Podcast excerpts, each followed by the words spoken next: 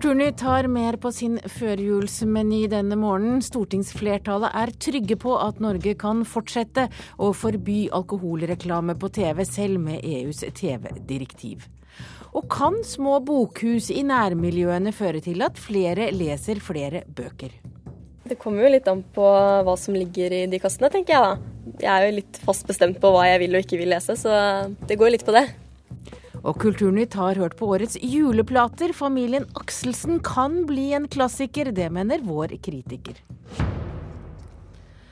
God morgen, velkommen til Kulturnytt. Jeg heter Hege Holm, og aller først skal det handle om forfatteryrket, som er mer populært enn noen gang. De store forlagene sier at de får inn stadig flere ferdigskrevne bokmanus fra debutanter. Bare Gyldendal får opp mot 1000 manus fra håpefulle skriveglade i året, men forlaget ga bare ut fem debutanter i 2012. For nåløyet er trangt, og det er få som kan leve av skrivingen. Det var et uh, ras av følelser, rett og slett. Jeg bare sto utenfor huset her, og så kom det en eh, nabo forbi, og så sa jeg 'Har du lyst til å se på boka mi?' sa jeg. Og så hun bare 'Har du gitt ut bok?' Så løp hun inn. Det var en fredag formiddag klokka tolv. Løp hun inn og henta en kartong hvitvin, og så begynte hun å rope på naboene. og så sto vi her i gata og drakk vin, og jeg liksom fikk fikk en liten sånn feiring. I høst fikk Kjersti Anfinsen drømmen oppfylt, da hun sto med romanen med sitt eget navn prega på permen i hendene. Jeg har alltid hatt lyst til å skrive fra jeg var liten, og har ikke turt å tro på det. Ikke før nå, kanskje. Hun er ikke alene om forfatterdrømmen. I år er det rekordmange debutanter, rekordmange søkere til forfatterstudier, rekordmange forlag, og både Oktober, Kagge og Gyldendal forteller at flere og flere sender inn manus og ønsker å bli en ny Hemningway, Steinbeck eller går der. Du, ved en veldig økende interesse. Vi ser vel bare at uh, forfatteryrket tydeligvis har en høy status. Sjef for norsk skjønnlitteratur i Gyldendal, Kari Marstein, ser med litt undring på alle som vil gjøre skriving til yrke. Det er ikke akkurat et høyinntektsyrke, og, eh, og man vet aldri om neste boka blir antatt. Så eh, det er et eh, innmari trangt nåløye å komme gjennom. For 99,5% av manusene Gyldendal tar imot, blir sendt tilbake til en skuffa drømmer. Og av de som blir gitt ut, er det få som faktisk gjør suksess. Da skal, skal vi se hvor jeg holder på, da. Men så er det noen da som kan leve godt og ha sitt eget kontor i sin egne store leilighet på Frogner. Altså, jeg har tre ulike soler nå, så jeg kan bytte. For mellom fire vegger fylt med inspirasjonskjelder Nei, der sitter f.eks. Virginia Woolf. Og selvsagt Her ligger det bøker som er relevante i min, eh, i min roman, som jeg jobber med nå. Skriv Jan Kjærstad. Men han syns det er rart at forfatter er mellom topp fem på lista over drømmeyrket i flere spørreundersøkelser de siste åra. Jeg tror de fleste vet at det kreves eh, ganske mye. Det som jo alle undervurderer, er hvor mye det kreves av eh, besluttsomhet og viljestyrke. For han kom yrket brått på. Jeg hadde ikke tenkt tanken på å bli forfatter før jeg var 23 år. Og da fikk jeg blod på tann, så da dro jeg om sommeren til Korsika. Jeg satte meg opp i fjellene der, hadde jo ikke penger, så jeg lå ute og skrev for hånden på en sånn plate. Men det gikk jo ikke bra. Altså, jeg ble refusert på det mest nådeløse. Så kastet jeg meg over det igjen, da. Etter 19 bøker kunne han fremdeles tenkt seg å skru tida tilbake. Troen på at man skal gjøre vei i vellinga, er eh, misunnelsesverdig. Jeg starter gjerne som debutant igjen når som helst. Uten penger, uten hus? Hvis, hvis du skrur tiden tilbake, ja. Uten å nøle. Jeg henger Øyvind Berg og Charles Bukowski og Jens Bjørnboe og Olav H. Hauge. Men det er ikke debutboka som betaler for huset Anfinsen bor i, i bakgården til Henrik Wergeland si skrivestove i Oslo sentrum. Nei, jeg, nå, nå, jobber jeg tre dager i uken som tannlege. Eh, og da går det akkurat rundt økonomisk å få to, frigjort to dager til å skrive. Ja, Så du kan ikke leve av det? nei. Nei, ikke i det hele tatt. Og reporter her var Maria Pile Svåsand. Marta Norheim, du er litteraturkritiker her i NRK. Hvorfor tror du at det er så mange som vil ha et så dårlig betalt og så slitsomt yrke som å være forfatter? Ja, si det. Altså, det kan vel hende det er flere eh, grunner. Altså, Én ting er at veldig mange unge vil inn i kreative yrker. Eh, og dette er jo et kreativt yrke, men kanskje et yrke som, eh, som, er lettere for de som ikke har sangstemme, eller som ikke kan spille gitar, eller som ikke vil bli eksponert på på TV som, eh, som TV-stjerne. Så, så, det kan hende det har noe med denne kreative eh, tendensen å gjøre. Og så lever vi jo òg i eh, det en kan kalle for dagbokas tidsalder. Altså vi skriver jo våre liv altså Millioner av nordmenn skriver jo sitt liv hver eneste dag på Facebook. Eh, sånn at du veldig mange liksom føler det som en veldig viktig ting å fortelle. Eh, og ikke minst fortelle om seg sjøl. Og dette slår jo også inn i litteraturen. Veldig mange, og ikke minst debutanter, de skriver jo om enten om seg sjøl eller om noe som likner veldig på det livet en kan tenke at de kanskje har levd. Men det er få som klarer det. Hva er det som skal til? Eh, jeg merka meg eh, noe i, i, denne reportasjen om Kjærstad, nemlig at uh, han satt i et rom som var møblert med bøker på fire vegger. Og jeg tror at det er den som skal skrive ei bok, må lese mange bøker. Der er det forbløffende mange som vil debutere, som tror at de blir på en måte forurensa i sin rene, originale indre kilde hvis de leser andre. Altså de har en sånn type romantisk idé om sin egen eh, eh, genialitet, eller potensielle genialitet, som ikke må liksom bli forurensa eh, av alt det andre. Jeg veit ikke om noen forfattere som har blitt gode uten å lese andre forfattere. Så det er jo et punkt én. Selvsagt så hjelper det jo å ha et talent. Um, og det en ser i, i, amerikanske romaner nå, er at eh, for å virkelig trø til, så lager de 600 siders fullpakka romaner der de stapper inn masse ideer og Wikipedia-informasjon og alle mulige greier. Det tror jeg egentlig ikke er en god idé. En må på en måte stole på eh, at en vil fortelle noen ting. Og der er det jo òg en hårfin greie mellom det å dikte og det å finne på.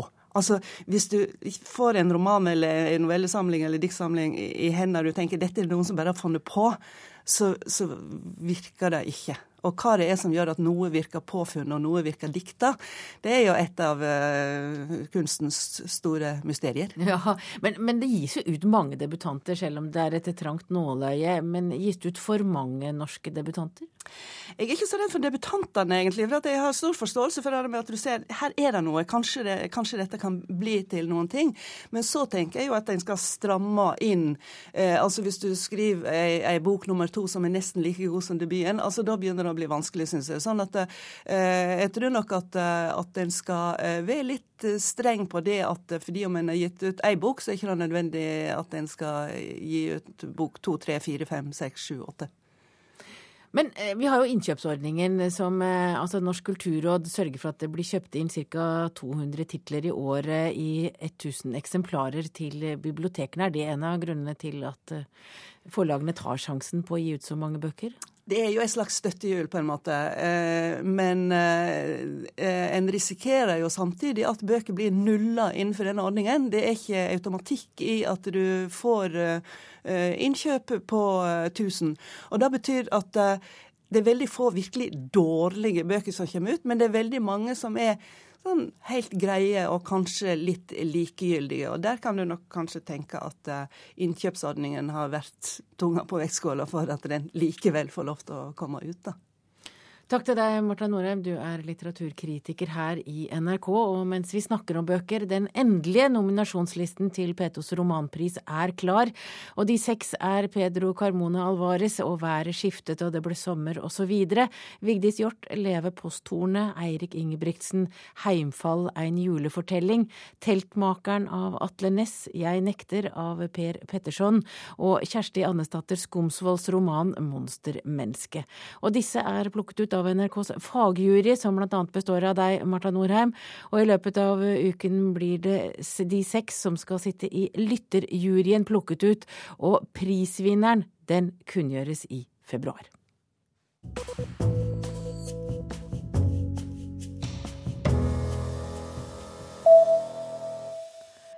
Norske TV-skjermer blir også i framtiden fri for alkoholreklame.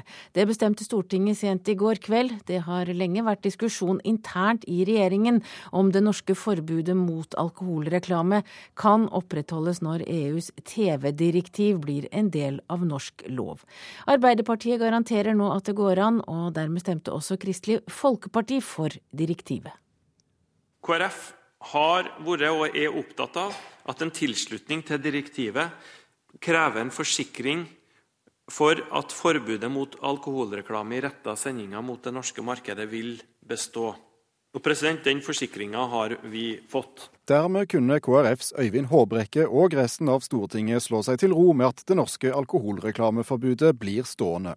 SV og Senterpartiet ønsket helst at regjeringen skulle bruke vetoretten på AMT-direktivet, som er navnet på EUs TV-direktiv. Bare det kunne garantere et fortsatt forbud, mente de. Senterpartiet er opptatt av at vi skal ha et strengt og absolutt forbud mot reklame av alkohol i Norge. Men forsikringer fra Arbeiderpartiet har fått Kjersti Toppe og resten av Senterpartiets stortingsrepresentanter til å snu. Derfor så slutter vi oss til dette her i, i dag. EU har gjort det klart at det skriftlige unntaket Norge har hatt i EØS-avtalen, faller bort med innføringen av AMT-direktivet. Saksordfører fra Arbeiderpartiet, Kåre Simensen, forsikrer på vegne av regjeringen at TV-kanaler som sender fra utlandet, som TV3 og TLC Norge, må fortsette å rette seg etter norske regler. Og siden AMT-direktivet også er et minimumsdirektiv, kan den enkelte medlemsstat utforme strengere eller mindre, mer detaljerte regler enn direktivets bestemmelser. Regjeringa er av den grunn tydelig på at, at det norske totalforbudet selv etter innføring av AMT-direktivet ligger fast. Men hvordan norske myndigheter skal greie å håndheve reglene overfor TV-kanaler som sender fra utlandet, kom ikke frem i Stortinget i går. Og reporter her var Thomas Alvarstein Ove. Og dersom Helsedirektoratet får det som det vil, blir det også forbudt med reklame for brus, is, sjokolade, snacks, kjeks og fete hamburger. hamburgere, skriver VG. Reklameforbudet skal gjelde dersom reklamen henvender seg til barn. Kulturdepartementet vil bytte ut hele styret i Office for Contemporary Art, OCA, som promoterer kunst i utlandet. For en uke siden varslet kulturminister Hadia Tajik en gjennomgang av virksomheten fordi OCA i flere år har gått med underskudd. Og statssekretær Kjersti Stenseng sier til Aftenposten at tilliten nå er så dårlig at det er veldig vanskelig samarbeidsklima, og sier at de dermed vil skifte ut hele styret når det er på valg i februar. Ville du lest flere bøker om det var en liten bokkasse på nærmeste hjørne? I Kongsvinger skal nå små bokhus henges opp på sentrale steder i kommunen, og hensikten er å stimulere leselysten blant barn og unge. I bokhusene kan folk komme og byttelåne bøker de mener andre også bør lese, og husene skal gjøre at barn og eldre får lettere tilgang til gode bøker. Det er et veldig sjarmerende utseende på dem. Så de ser ut som, som små hus med tak, skråtak. Cecilie Sandveis viser de nye bokhusene. Rutete vindu, som da er en dør du åpner. Prosjektlederen for Øvrebyen i Kongsvinger har inngått samarbeid med biblioteket i byen. 50 ganger 60 med skråtak og vindu foran. Biblioteksjef Stine Råden i Kongsvinger viser plantegninger av de nye bokhusene. Et toetasjes hus fylt med bøker. A tiny little. Ideen fikk de fra USA, der slike Free Little Libraries, små gratis bibliotek, henger rundt omkring der folk bor. You take a book and you leave a book. And people that are walking by can just collect a book, read it, it, or exchange it for another book. De skal henge på hus. Ja, du må bytte. Bokhusene fungerer ved at folk går dit og byttelåner bøker andre har lest ut, vokst fra, eller rett og slett anbefaler å lese. Så man må åpne bokhuset, og der vil det være en 40-50 eh, bøker, som man kan eh, ta en titt og, og se hva som frister, og velge seg en bok. Man har med seg sin egen bok, som man legger igjen, og stempler. Det er viktig, da. Stempler med bokhusstempelet og setter igjen den. Veldig demokratiske. Nå har biblioteket i Kongsvinger med støtte av Hedmark fylkesbibliotek kjøpt inn bøker og bestilt 15 bokhus som skal henge på vegger rundt omkring i nærmiljøene i Kongsvinger. Biblioteket i Kongsvinger har en sentral beliggenhet midt i byen, så for å gjøre litteraturen litt mer tilgjengelig for de som ikke bor i sentrum, så retter vi prosjektet mot Austmarka, Roverud, Brandval og Finnskogen. Plasser da hvor det ferdes folk. Det kan være på skolen, barnehagen, idrettsplasser, nærbutikken. Da kan man egentlig bare gå i sånn boka og se om det er noe interessant. da. Så det hørtes litt morsomt ut, da. Det syns jeg er et eh, veldig, veldig godt initiativ. Sier Vibeke Røgler i foreningen Les, som jobber med å fremme lesing i alle samfunnslag. Det er jo på en måte mye som eh, sånn som foreningen Les også jobber, med at vi ønsker å, å få bøker dit eh, folk er. Poenget er jo at det er gode bøker. Om man har en gammel bok hjemme, så er den like god og spennende for nye lesere. Biblioteket samarbeider med skoler i distriktene. Målet er at unge og eldre som bor langt unna biblioteket skal få lettere tilgang på de gode bøkene. Vi Skal fylle bokhusene med bøker for alle, også voksne. Men målgruppa for biblioteket er primært barn og unge nå, for å få opp eh, leseferdigheter og leselyst. For bokhusreporter var Stein S. Eide. Kulturnytt er over for denne gang, og det er Andrea Kvamme Hagen, Hilde Tosterud og Hege Holm som takker for seg. Nyhetsmorgen fortsetter.